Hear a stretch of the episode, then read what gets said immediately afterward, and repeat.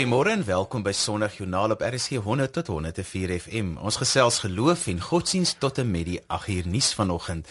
Ek is Johan van Lille. Môre Lisel, jy is besig om 'n baie interessante ding in jou lewe te oorkom. Johan, ek is nou nie 100% seker dat die wêreld moet weet dat ek nie kan swem nie. Maar ja, aangesien ek so klink vir oggend, is dit seker maar goed dat ons sê dit is een van my to-do list wat ek moet afvik en 2015 is die jaar wat ek gaan leer swem. So dis hoekom ek so klink. Ek het baie water in my lyf. Ek het ook by 'n gemeenskap op Woester gaan kuier en ons hoor later oor hoe hulle 'n verskil maak in mense se lewens.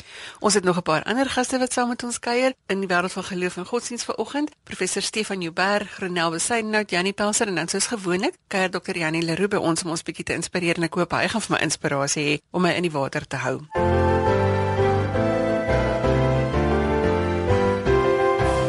Iewers in die week op sosiale media raak gelees dat mense vra het oor die Bybelvertaling. En vanoggend sluit professor Stefan Nieuwberg van die Radboud Universiteit in Nederland by ons aan. Hy is ook verbonde aan die E-kerk hier in Suid-Afrika en hy gaan met ons 'n bietjie kookus oor die vertaling van die Bybel. Maar Stefan, goeiemôre eers.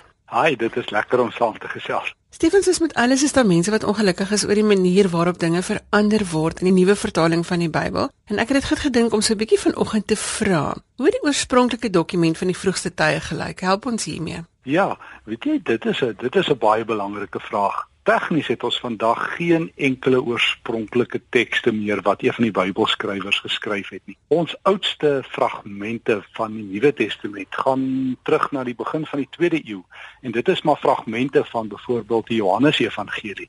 So ons sit nie meer met dit wat ons noem die autografa, die oorspronklike tekste nie. Ons het uh, maar afskrifte en afskrifte en afskrifte en ons heel vroegste dokumente of manuskripte van die hele Nuwe Testament kom maar so so vroeg of so laat as die begin 4de eeu.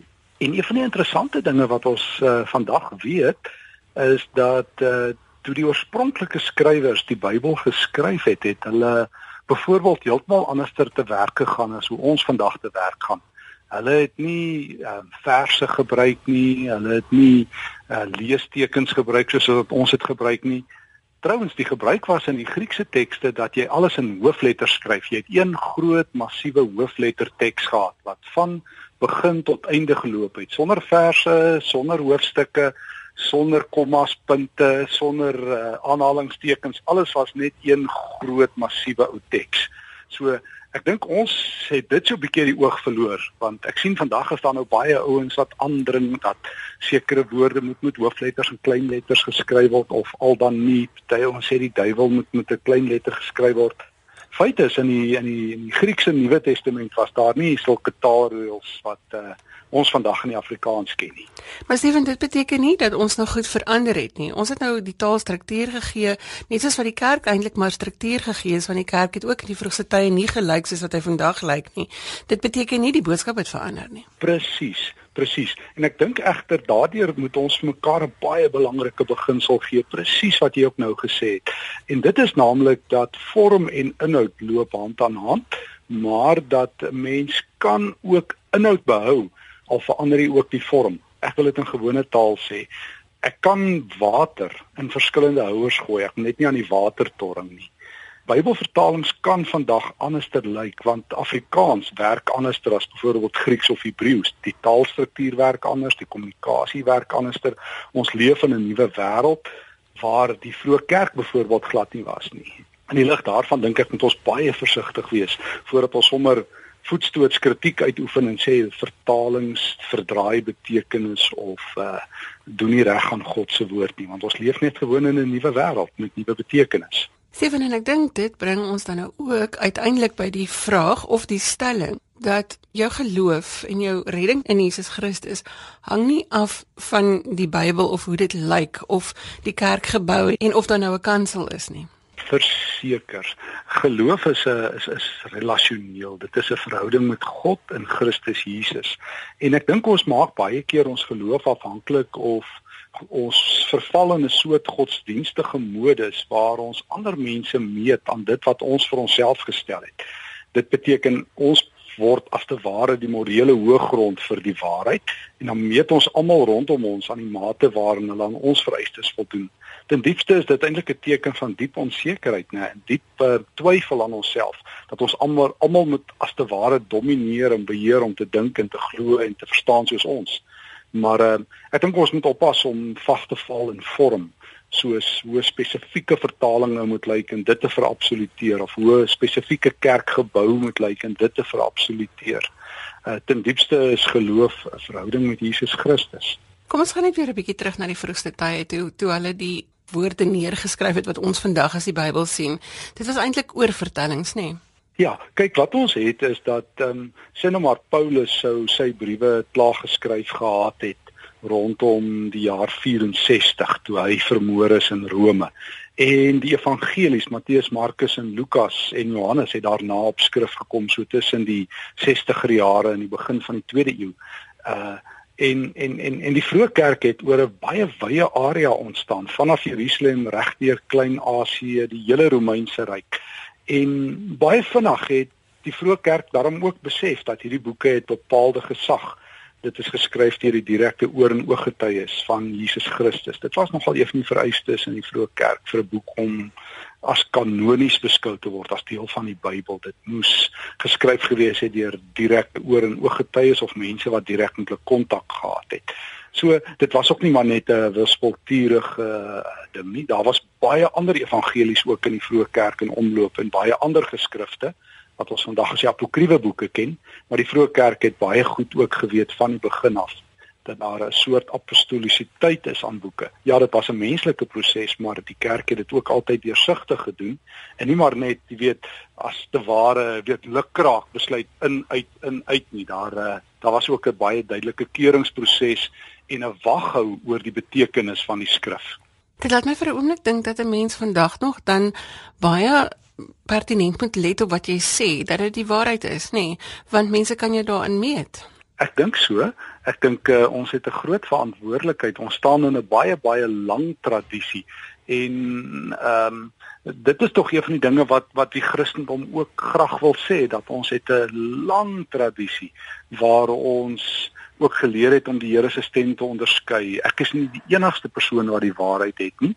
Ek is ook nie die eerste of waarskynlik die laaste leser van die Bybel nie. Ek lees oor die skouers van miljoene gelowiges voor my wat lank en diep nagedink het oor die Bybel, wat selfs gelei het en doodgemaak is vir hulle geloof. En daarom Daarom is ek nie 'n eiland wat alleen opinies het nie. Ek moet ook respek hê vir die tradisies waarbinne ek staan. En waarheid is ook uh, aan die kerk gegee in Hebreë, die kerk as die die ware liggaam van Christus op aarde. Steven baie dankie. Dit is altyd baie lekker om met jou te gesels vanoggend. Ons hoop jy het 'n geseënde dag. Ek waardeer dit baie dankie. Dit was professor Stefan Joubert wat met Lisel gesels het. As jy sopas ingeskakel het, sê ons goeiemôre en welkom by Sondag Joernaal op RSG 100 tot 104 FM. Gaan loer gerus op RSG se webblad by rsg.co.za vir inligting oor ons gaste vandag en ook vir die res van RSG se skedules wat vandag op die spyskaart is. Ons gaste se kontakdetails is ook op Sondag Joernaal se Facebook bladsy. Dis tyd vir musiek. Ons het verlede week gevra dat julle vir ons moet sê na wie julle wil luister en daar het 'n versoek deurgekom vir Catherine Jenkins se Hallelujah. So hier is hy.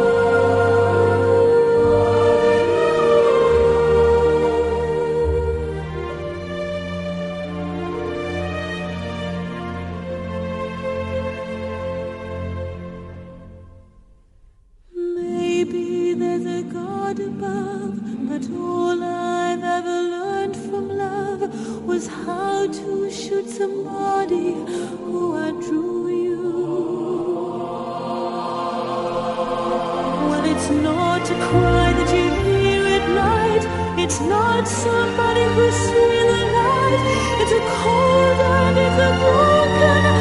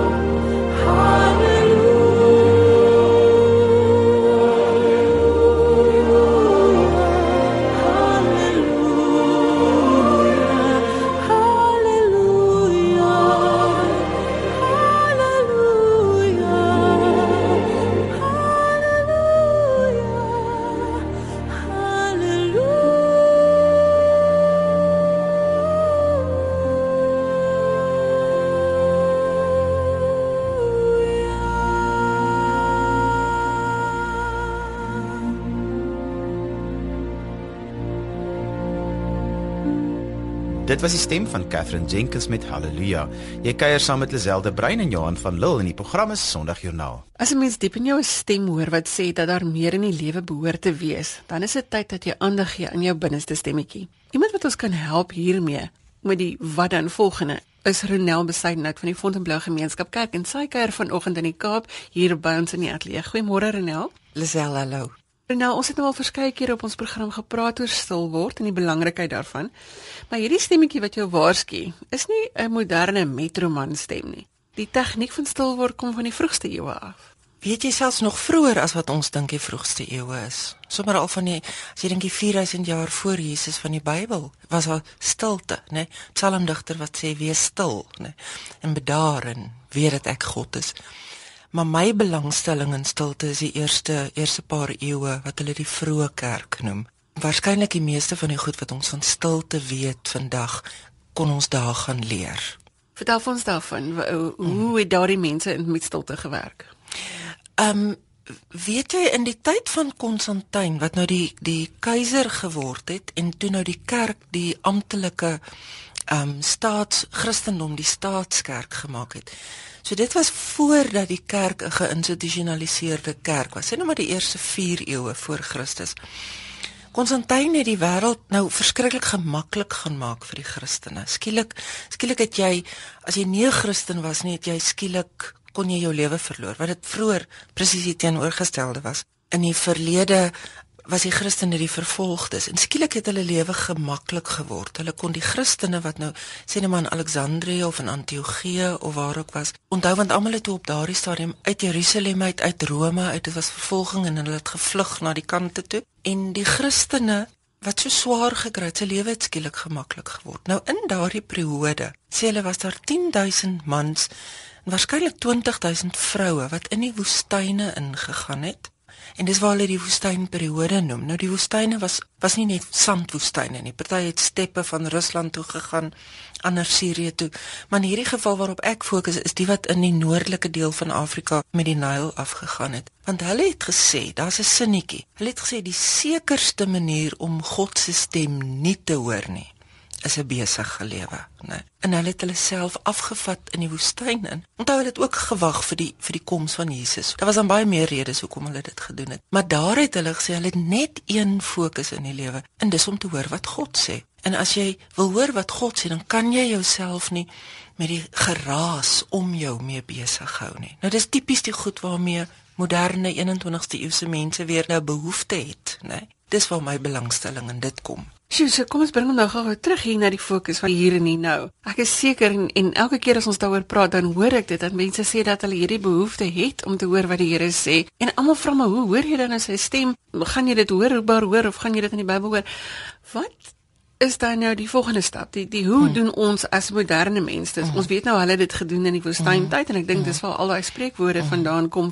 Ek dink die eerste ding wat ons moet sê is ons het almal 'n behoefte daaraan, né? Dit is nie 'n unieke ding aan die Christene nie. Dis ook nie 'n unieke ding aan gelowiges van alle denominasies of of tradisies nie. 'n Mens het 'n behoefte aan stil word. Ek dink een van ons grootste krisisse is dat ons normale ritmes van die lewe ignoreer die son sak 7 uur, wel dis nou as jy in Johannesburg bly, en dan het ons interessant genoeg nog 5 ure of wat wat ons nog besig is. So ons versteur ons ritmes. Ons staan nie op wanneer die hoenders begin kraai nie. Jy's jy het, jy het daar's niks in jou wat die normale ritme van die lewe ehm um, komplementeer nie. Ons werk eintlik teen dit in. Daar kom nooit tot bedaring nie. Weet hierdie winter, herfs, somer En dit bring uitbranding. En dan kom mense by 'n punt wat hulle sê maar daar moet iets anders wees, né? Ek dink voordat jy nie dit besef dat jy dat jy eintlik nie meer met hierdie verskriklike besige lewe besig wil wees nie, dat jy eintlik ehm um, dat jy eintlik niks meer hoor as jy die hele tyd alles hoor nie. So dat ek dink persoonlik dat daar ergens 'n uh, 'n tot stilstand moet kom. Partykeer is dit 'n krisis in 'n mens se lewe. Party mense het net 'n interne behoefte waarna hulle luister. Baie van ons het dit waarna ons nie luister nie. So ek dink daar kom gewoonlik 'n 'n sug van verlange dat daar iets meer moet wees. Nee. Dis waar wat jy sê want ek ervaar dat wanneer die krag so baie af is, soos wat dit nou met ons die geval was, dat jy dan eintlik baie vroeër in die bed gaan klim. Ja, ja. Want daar's nie TV ja, wat jou besig ja, hou nie ja. en en jy het niks anders wat jou besig ja. hou nie. Weet jy, ek het 'n paar jaar gelede, dit dit klink dramaties. Dis ek dink ek sal dit nie voor vir mense nie. Dit was wat vir my nodig was. Ek het my televisie uit my huis uit geneem. Nou daar's mense sal sê, "Maar hoekom doen jy dit?" Want ek het 'n behoefte gehad om vroeër in die oggend op te staan vir 'n uur of wat te mediteer, vir 'n uur of wat in 'n joernaal te skryf. En as jy 4 uur in die oggend wil opstaan sodat jy tussen 4 uur en 6 uur stiltyd het, dit was my behoefte. So dis nie iemand anders nie. Maar ek het geweet as ek tot 12 uur toe in die aand voor die televisie sit, gaan ek dit nooit kan doen nie. En my tipe persoonlikheid was, dan moet ek die televisie uitneem, né, want ek gaan ek sal nie daai selfdissipline hê nie. En skielik is vir mense wat kragonderbreking nou in Johannesburg of of beurtkrag het, beleef dit as 'n trauma. Maar jy kom skielik tot bedaring en jou en jy begin gesels met mense of jy sit net op die stoep of soos iemand nou die aand vir my sê ons twee sit hier buitekant in die kers met die kerslig weet buitekant. Jy sal dit nie gedoen het as daar hierdie um oorlading van stimulasie was nie, want ons raak verslaaf aan die stimulasie. Jy gebruik die woord meditasie en daar's baie Christene wat altyd sê maar jy kan nie mediteer nie want dis 'n oosterse ding. Kan ons dit die nek inslaan? Mm. Stil word meditasie is net 'n woord. As ons praat woord. van meditasie dan praat ons van stil word met ja, God, ons ja. God, die God wat ons aanbid. Ja. Daar's nou allerlei woorde. Daar's goed soos kontemplatiewe spiritualiteit van word stil ensovoorts. Die klassieke ding is bloot gaan sit, gaan sit by die Here. Dis wat meditasie eintlik beteken meditasie in hierdie geval wat ons doen, nadenke né? Jy word stil en jy laat toe dat die gees dinge in jou vorentoe bring. Dit raak eintlik 'n stuk herinnering van jou van jou lewe. Want as jy besig is, gaan jy dit nooit ervaar nie. Ek sê baie keer vir mense die gees duik jou nie plat so asof dit 'n rugby speler is nie. Die gees sit langs jou en as jy nie aandag gee nie, dan gaan jy dit nie hoor nie. Kom ons gee praktiese wenke. Hoe kan ons hierdie stilte tyd inrig? Want almal sê en ek hoor dit daagliks. Mense vra vir my, "Maar hoe hoor jy die stem van God?" En dan moet ek altyd verduidelik, maar op die manier waarop ek dit hoor is anders as waarop jy dit hoor. Kom ons gee gou 'n 3-punt plan van wat jy moet doen om stil te word sodat jy God se stem kan hoor. Kyk, mense moet versigtig wees om te dink stil word beteken nou moet jy jou brein stil maak. Jou brein is bedoel om te werk. Dit gaan hier oor 'n tot bedaring kom. Jy kan nie in 'n gejaag probeer ding nou gaan ek tot bedaring kom en daar's hierdie intuïtiewe ding van waarmee is God my lewe besig? Jy gaan stil word, jy gaan die wonderlikste stil mense. En stilte beteken nie stil bly nie, hoor? Stil bet, stilte beteken nie introvert wat nie praat nie, maar jy gaan iemand kry wat in 'n sop kom bys met die gejaag van die stad om hulle en die sirenes en klank, gaan jy daar iemand kan kry wat met diep stilte staan en werk. My ervaring van my eie lewe, ek kan nie vir ander mense sê hoe dit vir hulle moet werk nie, maar my ervaring is dat jy vir 'n lang tyd eers moet besef jy het, jy het verslaaf geraak aan hierdie gejaag. En met enige verslawingsproses vra dit van jou baie baie sterk um deursettingsvermoë van tot bedaring kom. In my geval het stil word begin, dit was regtig 'n behoefte. En ek bly in Johannesburg en baie naby aan die snelweg, daar's net nooit stilte nie. En jy het die 24 uur rekenaar toegang, jy is konstant besig met kontak met mense. Want jy moet een ding onthou, stilte vra dat jy jou bietjie moet afsonder stilte vra dat jy die goeders wat in jou lewe onnodig is bietjie wegvat die frustrasie van konstant besig wees nê nee? die frustrasie van om God in my kop te beleef as 'n rasionele mens of om baie dinge te weet maar om min min ervaring te hê om te luister na mense van die antieke tyd wat praat oor God wat ek geweet maar ek mis dit nê. Nee. Maar ek wil ook nie na die oppervlakkigheid toe gaan van mense wat vir my sê, weet jy wat die Here het vir my gesê, nê. Nee. Ek was versigtig vir dit gewees, nê. Nee. Want ehm um, die goed wat die Bybel, die goed wat die profete in die Bybel gesê het, is anders as wat mense vandag sê. Van weet die Here het vir my hierdie ding gesê, nê. Gewoonlik is dit baie selfgerigte ding. En ek het op daardie stadium 'n intense behoefte in my lewe gehad, waarskynlik na 'n uh, wat Johannes van die Kruis 'n uh, Dark Night of the Soul noem. Het ek gesê maar ek wil anders, ek wil anders begin dink. Ek wil nie ek wil nie net goed bedink nie. Ek wil dit beleef en daarvoor het ek tyd nodig. So my eerste ding as iemand hier gaan sit en sê maar ek wil dit ook doen. Dit gaan van jou tyd vra, né? Dit gaan van jou vra om jou radio in die motor af te skakel. Dat daar dat daar iets is waarin jy kan anker, né? Ehm um, ek het byvoorbeeld woorde op my rekenaar gesit, weet ons ding wat ons skerm beskerm. Het ek woorde opgesit van kom tot rus, né? Met ander woorde is baie meer 'n binne ding as wat dit nou iets is wat jy prakties gaan doen, maar dit het van my tyd gevra. Renal, baie dankie dat jy vanoggend saam met ons gekuier het dit voel vir my asof ons 'n volgende gesprek of 'n opvolggesprek hier moet hê, maar ehm um, dankie dat jy vanoggend saam met ons in die ateljee gekuier het en dat jy vir ons 'n bietjie van jou hart gedeel het oor hoe om stil te word. Dis lekker, dankie. En so gesels Lazelde Brein met Ronel Besuidnout. Jy luister na RSG 100 tot 104 FM en elke Sondagoggend hierdie tyd gesels ons geloofsaake. Die potgooi van Sondagjoernaal sal môreoggend op RSG se webwerf wees by rsg.co.za. Vanoggend gesels ons met Donie Jannie Pelser van die Rand en Dal gemeente oor die Toekomsvenster inisiatief waarmee gemeentes reg oor die land besig is. Goeiemôre Jannie. Goeiemôre en baie baie dankie vir die geleentheid. Jannie, vertel vir ons van hierdie inisiatief. Ons lewe in 'n baie baie uitdagende tyd. Dis 'n wonderlike tyd om in te lewe. Die lewe is 'n fees, die lewe is 'n uitdaging, die lewe is opwindend, veral omdat die Here saam met ons op pad is. Maar die lewe is nie ongekompliseerd nie. Dis nie simplisties nie. En die wêreld rondom ons word al hoe moeiliker om elke dag in te leef en te oorleef. En die vraag is net, hoe gaan die wêreld lyk aan die ander kant van 2020? Die kerk is nie eintlik 'n instansie wat dikwels en gemaklik praat oor 'n 5-jaar plan of 'n 10-jaar plan nie. Ons hoor dat staatsdepartemente en ander mense sê wat is ons 5 jaar strategie? Maar die kerk lewe so half van dag tot dag. Maar ons het nodig om 'n bietjie verder te kyk en dit lyk so asof die tydperk 2015 tot 20 soos 'n strategiese venster op die toekoms is wat die kerk kan en behoort te gebruik om homself uh, as 'n uh, organisme maar ook sy lidmate voor te berei uh, op die uitdagings wat aan die ander kant van 2020 lê.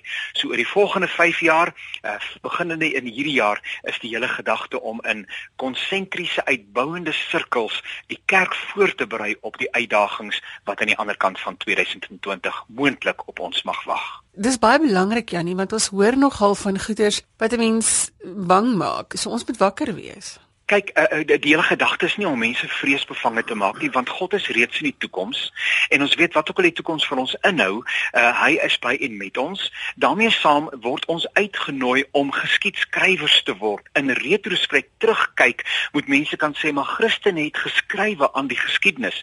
Ons word genooi om te skryf aan die toekoms. Aan die ander kant weer is daar faktore, magte en goederes waaroor ons nie beheer het nie en ons aanvaar vandag 'n groot klomp vryhede en goederes wat gegeewe is ook binne Suid-Afrika wat letterlik oornag kan verander.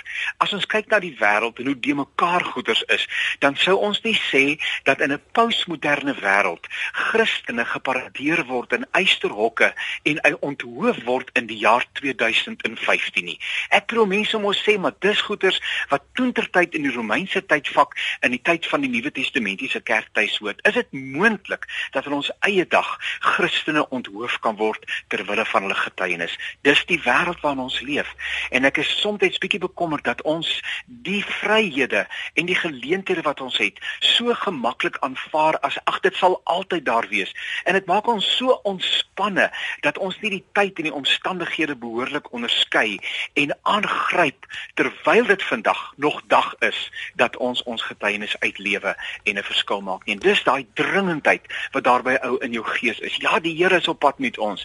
Maar julle ouens, ons kan nie noodwendig aanvaar dat wat vandag vir ons gegee is, die vryhede, dat dit noodwendig môre en oormôre nog deel van die kerklike gemeenskap en konteks in Suid-Afrika byvoorbeeld sal wees nie. Ja, ons is maklik om te dink dit gaan hier by ons gebeur nie. Jy nie verduidelik vir ons hoe werk hierdie kursus? Met ander woorde, waar kry mense inligting? Wat is die goed wat julle in hulle hand sit? Hoe werk ons saam in hierdie 5 jaar toekomsvisie? In konsentriese sirkels, nie geïsoleerd van mekaar nie, maar ontwikkelend, begin ons in 2015, dis nou in hierdie jaar, begin ons met die individuele gelowige.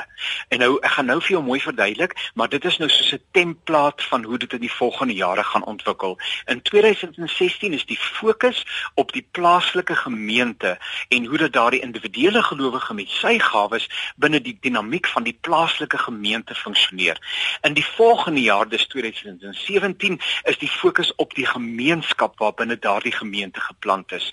In 2018 is die fokus op Suid-Afrika waarin elkeen van ons 'n verskil moet maak en in 2019 word ons geroep om as wêreldburgers die evangelie tot aan die uithoeke van die wêreld te dra.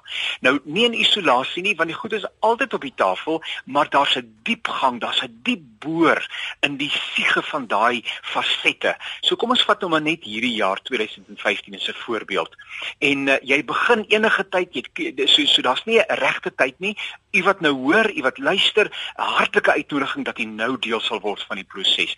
Ons het nou in die eerste 2 maande gesels oor die tema van identiteit en 'n verstaan van wie ek in Christus is.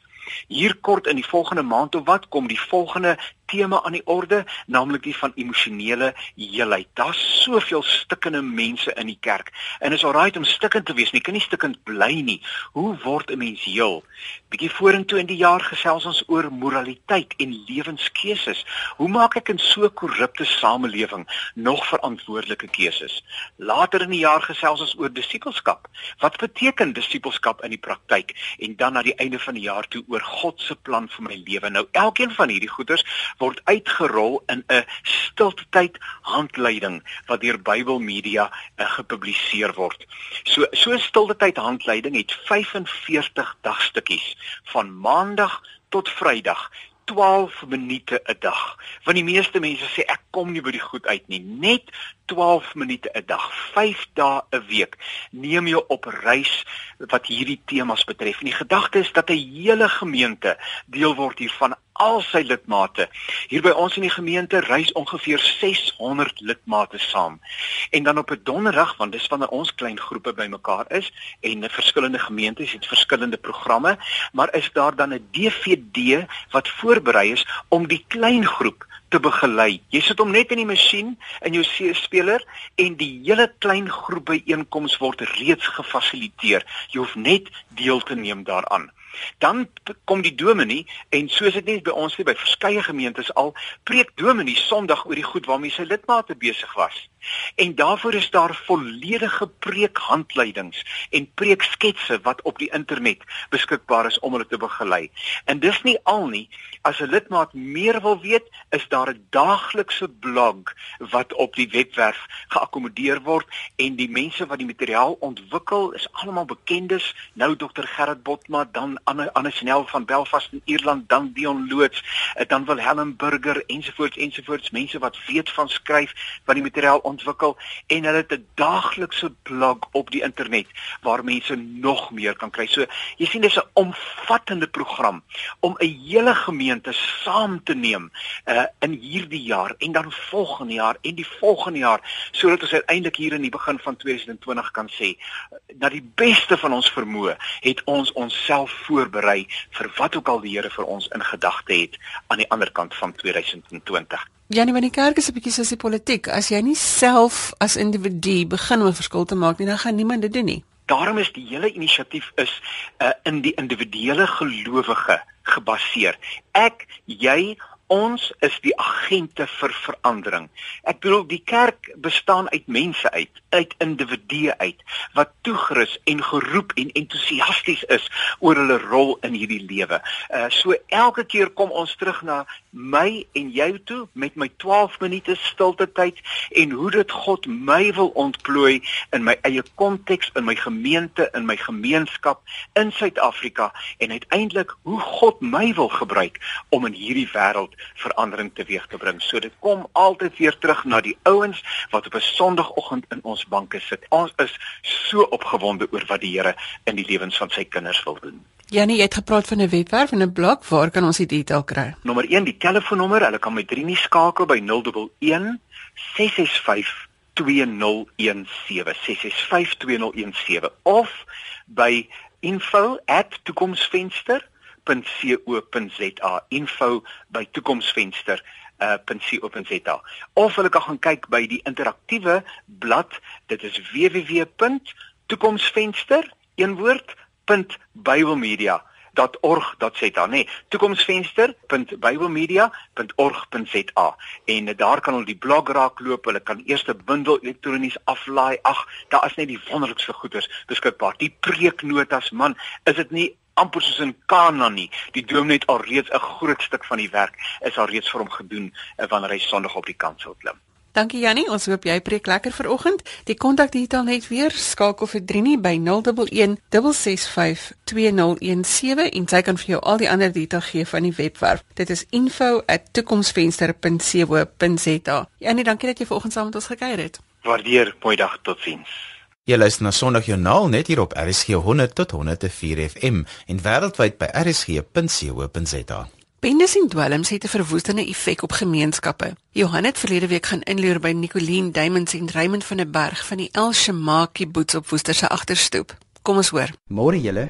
Goeiemôre Johan. Môre Johan. Nicoline, jy het nou wat berig word in elke skool opstel geskryf dat jy eendag vir Rodewal 'n beter plek wil maak. Vertel vir ons jou storie. Ja Johan, weet jy in die 80er jare was Rodewal ons gemeenskap baie uh, bedryf deur bende geweld gewees en regtig waar agtergeblewe geraak. Ek het groot geraak in die 80s en toe ek nou kon begin 'n sin maak van dinge het ek baie van hierdie gewelddadige optredes gesien, moorde wat voor jou oë moes plaasvind. Ek het twee ooms gehad wat wat in twee verskillende bendes betrokke was en baie naweke was ons huis mos maar nou altyd gebombardeer deur of die ander bende wat die een oom wil doodmaak half en so was ons huise mure maar die bloed was maar altyd geskrywe aan die mure. En dit was moeilik geweest dan het ek ook 'n situasie gehad waar ek mos nou uh, van 'n enkel ouer agtergrond af gekom het. So ek was by my mamma maar my pa het het in die Ooskaap gebly. Nou baie keer in die vakansietyd dan het ek soontoe gegaan in die Ooskaap en dan het ek gesien maar dinge is net nie dieselfde hier as as by by ons huisie.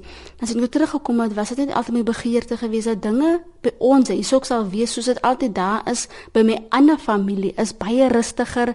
Hulle beklei nie met mekaar en niemand word doodgesteek voor die oog of met 'n tenvurk deur sy hart gesteek dat die vonke spat on op die plafyselie. En dit was vir my wonderlik gewees om aan te wees en ek het altyd gedink, "Hoe kan daai wonderlike atmosfeer nie net ook by ons weesie en van daar af is is is in my die begeerte gebore om 'n verskil te maak in my gemeenskap. Dit is hoekom ek altyd geskryf het in my opstelle eendag as ek groot is wil ek 'n verskil maak in my gemeenskap en en ek was gelukkig geweest dat daar 'n projek soos die Kibbutz was, 'n organisasie soos, soos die Kibbutz. Hulle het my gevat by die hand. Ek het in een van die programme beland in die in die kunste uh, programme South Roots is die performing arts gedeelte van die van die organisasie en daar het ek geleer danse en geleer meer geleer van my van ons mense wie ons is waarvan ons kom en so het die het my menswaardigheid gegroei. Hoe werk hierdie kibbutz? Weet jy, 'n dame Irene van Deventer, sy was daai 'n uh, maatskaplike werker en sy het begin werk onder die bendes toe nou in Rondewal in die 80er jare. En in daai tyd het daar baie vrede gekom en sy het so gesien dat daar so baie straatkinders en daar so baie armoede in Rondewal in die bende is mos maar nou territorial gewees en en hulle het hulle turfs gehad en en Rondewal spesifiek was die was die een gemeenskap wat baie agtergeblewe was omdat die bendegroep wat daar was wat daai die Cape Town Scorpions was, hulle kon net 'n sekere area gebruik het en daar was net 'n laerskool gewees. Daar was geen ons kan nie uh, hospitale bygewoon het nie, geen uh, rekreasie goed dinge bygewoon het nie. So daar was 'n groot frustrasie oor die algemeen in die gemeenskap toe nou. En en uh, uit dit en was toe die bende geweld op toe was daar soveel armoede en so so groot agterstand gewees in in Rodewald self omdat mense kon nie eens hoërskool toe gaan of enigiets geword het op daai stadium nie. Tot sy gekom en en die Here het regtig waar gelei en en hulle het 'n orde organisasie begin Kibbutz Elshama waar dan nou families in die hand gevat het. Spesifiek die kinders van die bende lede was baie op straat gewees. Rol uh, was 'n rolmodel of 'n rolmodel of die pa was dood gewees of in die tronk vermoorde en so aan. En hulle die huis begin en en so die projek groter geraak waar meer families kon ingeneem geword het en om hulle te rehabiliteer en terug te plaas in die in die samelewing en baie dinge gedoen sodat vaders kon werke kry weer. Hy, hy het so gegroei dat daar vandag 'n uh, 'n kleuterskool is daar's 'n program nog steeds 'n rehabilitasieprogram No Changemakers waarvan Raymond deel geword het en dan is daar ook die South Route is die performing arts departement wat nou weer die kunste gebruik om die gemeenskap te te uplift uit hulle omstandighede en te ontwikkel. Die dame wat die wat die performing arts begin en haar naam is Shenet Martin. Sy agtergrond is weer in in Hollywood en in filmmaking en sy het gesien dat die spesifieke talent van die mense in Rodewal is is die kunste. Hulle hou van sing, hulle hou van drama. Ons moet baie goed te namaak en so aan. En toe sê hierdie hierdie tool gebruik om om die gemeenskap te bereik en so. Jy weet 'n verhoog is mos maar nou iets anders. Een van die van die baie belangrike ding wat jy leer in as jy op 'n verhoog is, is om te projek en ook om om op te kyk. Jy moet jou audience kyk en hy is so 'n simpel ding het het vir ons begin leer ons menswaardigheid. Ons moet mense in die oë begin kyk. Ons moet opkyk en ons moet ons moet kan praat met trots en en dit is so so 'n klein ding maar dit het tog vandag gehelp dat ons ons ons dignity kan terug het en sê jy weet julle uh, daar is iets goed wat kan kom met Rodewal en dit is wat hulle gesê het oor die jare. Nothing good can come out of Rodewal. Hulle het gesê it's the gates of hell. Dit was horrible geweest. Dan het ons ook die voorhande projek nou waar waarvan die van die jong mense werk in die skole in waar hulle counselling aanbied jong mense help om emosioneel uh, te ontwikkel en en net daar vir hulle te wees vir hulle geestelike groei. Dan het ons ook die Eco Boys Club. Dit is 'n klub van seuns wat gestig het uit, uit die jong seuns wat wat diere verskriklik mishandel het, baie erge uh, uh, dinge gedoen het aan diere en ons het hulle toe gevat en ons het 'n program met hulle begin. Ons het dit eco genoem sodat ons net vir hulle die waardes van die samelewing en die natuur kon leer en en dat hulle kan sien hoekom 'n boom byvoorbeeld daar is 'n simpel ding soos wat wat koolstofdioksied opneem vir ons om weer suurstof te kry en die, net die waardes van elke element in die natuur uh, vir hulle aan te leer en hoe ons moet kyk na mekaar as mense. En hierdie program is vandag so 'n uh, suksesvolle program, maar so baie seentjies wat wat nie betrokke raak in in bende geweld nie of in dwelms nie. Een van die M's is ook om seker te maak dat hulle nie by tienerswangerskappe is sodat die die die die siklus van vaderloosheid in ons in ons gemeenskappe nie kan kontinueer nie. So ons leer hierdie jong seuns om na hulle self te kyk en aan en meisies te respekteer en te wag tot tot hulle getroud is eendag sodat wanneer hulle families begin, hulle 'n gesonde familie sal wees. En so uh, nou het ons ge, by hierdie jaar begin in die Eco Girls Club want ons het besef die seuns wat ons so oor die jare mee gewerk het, aan die einde van die dag gaan hulle een van die jong dogters gaan dalk hulle vrou word in die gemeenskap en nou het ons begin met die stelsel waar ons die meisies en die seuns gesamentlik hierdie waardes leer. Raymond, jy het by jou oupa en ouma groot geword, vertel bietjie. Ja, ek het ouderdom van 5 maande met my ouma en my oupa my weggeneem van my man pas gevolg van hulle dwelm in alkoholafhanklikheid. En ek het groot raak in 'n geestelike huis. Ek het alles gekry wat ek wou gehad het in die lewe in goeie waardes geleer. Um ook baie goed presteer op skool. En um, maar daar was altyd die leemte gewees in in my hart vir vir my vir my pa en my ma waar hulle ook al gewees het al het hulle in dieselfde gemeenskap gebly waar ons gewees het. Hulle was afwesig gewees in my lewe. Soos ek as ek 'n voorbeeld kan maak, as ek skool toe gaan en as ouer vergadering is my pa nooit daar nie en al my vriende se ouers is daar so in alles ja nie of as 'n sport speel en hulle ouers kom kyk is my ou my ouers is nooit daar nie en daai leemte in my hart het het dit iets groter groter losgemaak binne in my en waar ek vaderlike liefde op 'n ander plek gaan soek het en waar ek tough love experience het op ander plekke waar waar dit heeltemal gevaarlik gewees het vir my. Jy het toe begin om dwelms te gebruik. Ja, ek het op die ouderdom van 13 het ek geëksperimenteer met drugs om om die leemte in my hart te vervul. Het ek voorgegee wie ek is. Ek het altyd gesê dat ek ek is die persoon, maar ek was glad nie die persoon nie. Binne my hart het ek geweet wie ek is, maar om om 'n leemte in my te vervul om dit toe te maak, moet ek pretend ek is 'n ander persoon. En um, ek het geëksperimenteer met tik op ouderdom van 13 en die eerste of die hit wat ek geslaat het was ek ook gewees vir 8 jaar gewees. En dit was jaal vir my gewees, dit was dit was terrible gewees. Ek het mense se harte gebreek wat in die afgelope tyd in my lewe geïnvesteer in en vir my omgegee het en lief vir my gewees het, het ek het ek alle vertroue verloor in die 8 jaar se tyd en so aan. Ek het ook baie vriende gemaak wat wat my lewe in gevaar gestel het en nie net my lewe in gevaar gestel het, die ook my familie se lewe in gevaar gestel het. Ek het ook vir hulle om um, expose aan die gevare wat daar buitekant is. My verhouding met met my broer en my suster het agteruit gegaan as gevolg van drugs. Drugs het, het vir my laat besef dat ek my eie my eie fix, ek moet dit ek moet dit self voorsien vir my. Ek moet uitgaan in die gemeenskap. Ek moet gaan ek ek moet gaan steel, ek moet gaan roof. Ek moet al die dinge doen sodat ek my um, fix kan satisfy en ek het dit omgegee vir wie ek seer maak in die prosesse nie. Solank ek dit kry wat ek wou gehad het. En toe kom daar 'n ommekeer en jy het betrokke geraak by hierdie organisasie. Ja, dit was jaar 2011 gewees. Um, waar waar daar uitnodiging gewees het vir vir vir jong manne en jong vrouens uit uit Woester uit wat vasgevang is in gangsters en drugs wat wel lewe verander. En en ek was toe gelukkig om op te neem op die woord en daar was maar nog meer 30 of 40 mense wat daar gewees maar hulle het geëvalueer um, um op jou interview wat hulle gehad het, onderhoud wat hulle gehad het met jou om te kyk op watter level van 1 tot 10 as jy gekom het om jou lewe te verander. En het wat gesê dat hulle 7, hulle 7 uit 10 en 5 uit 10, maar ek het gesê ek was 10 uit 10. Ek wil my lewe verander het. En ek is toevlug toe in Woesteren, um waar as 'n 5 weke program waar jy jou liggaam skoon kry en waar jy ook leer om jouself te vergewe. Jy jy leer ook die mediese kant van die effek wat die draak op jou gehad het.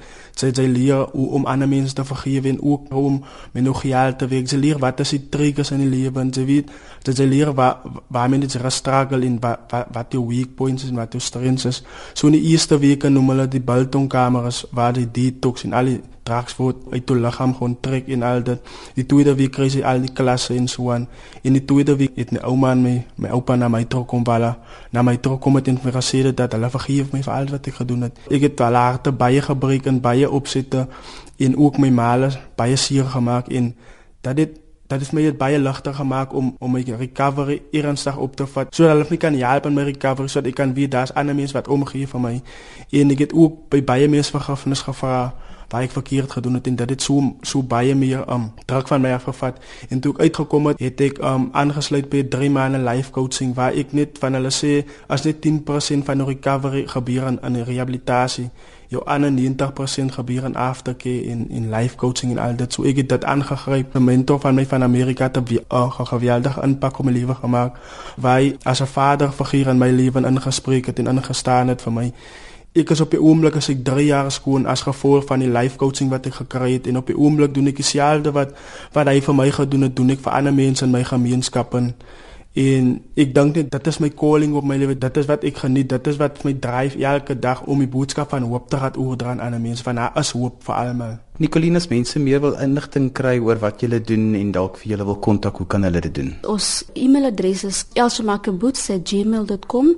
Dan het ons ook ons telefoonnommers is 0798956081 en ons landlyn is 0233425593. Ek herhaal net weer die kontakdetail wat Nicoline gegee het. Daar is twee telefoonnommers. Dit is 079 895 6081. 079 895 079 895 6081 of jy kan skakel 023 342 5593. Dis al en dan daar's ook 'n e-posadres wat jy sommer kan gee. Die e-posadres Johan is elshemakieboots@gmail.com. Ek gaan dit spel: E L S H A M M A H K I B B U T Z. elshemakieboots@gmail is gewoon G M A I L www.rsg.com.